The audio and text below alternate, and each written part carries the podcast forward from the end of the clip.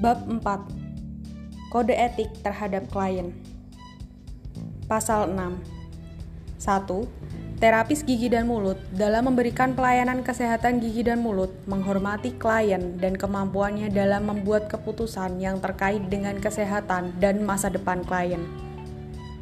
2. Terapis gigi dan mulut dalam memberikan pelayanan kesehatan gigi dan mulut senantiasa mendahulukan kepentingan, memperhatikan hak, dan tidak menimbulkan kerugian bagi klien.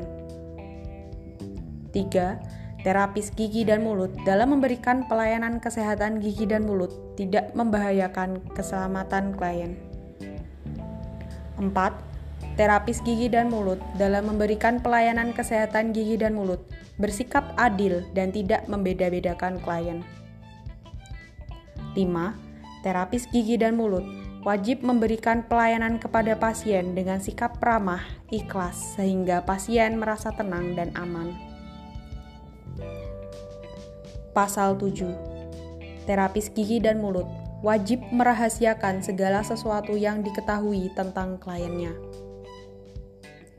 Pasal 8. Terapis gigi dan mulut dalam memberikan pelayanan kesehatan gigi, senantiasa memelihara suasana lingkungan yang menghormati nilai-nilai budaya, adat istiadat, dan kelangsungan hidup beragama dari klien.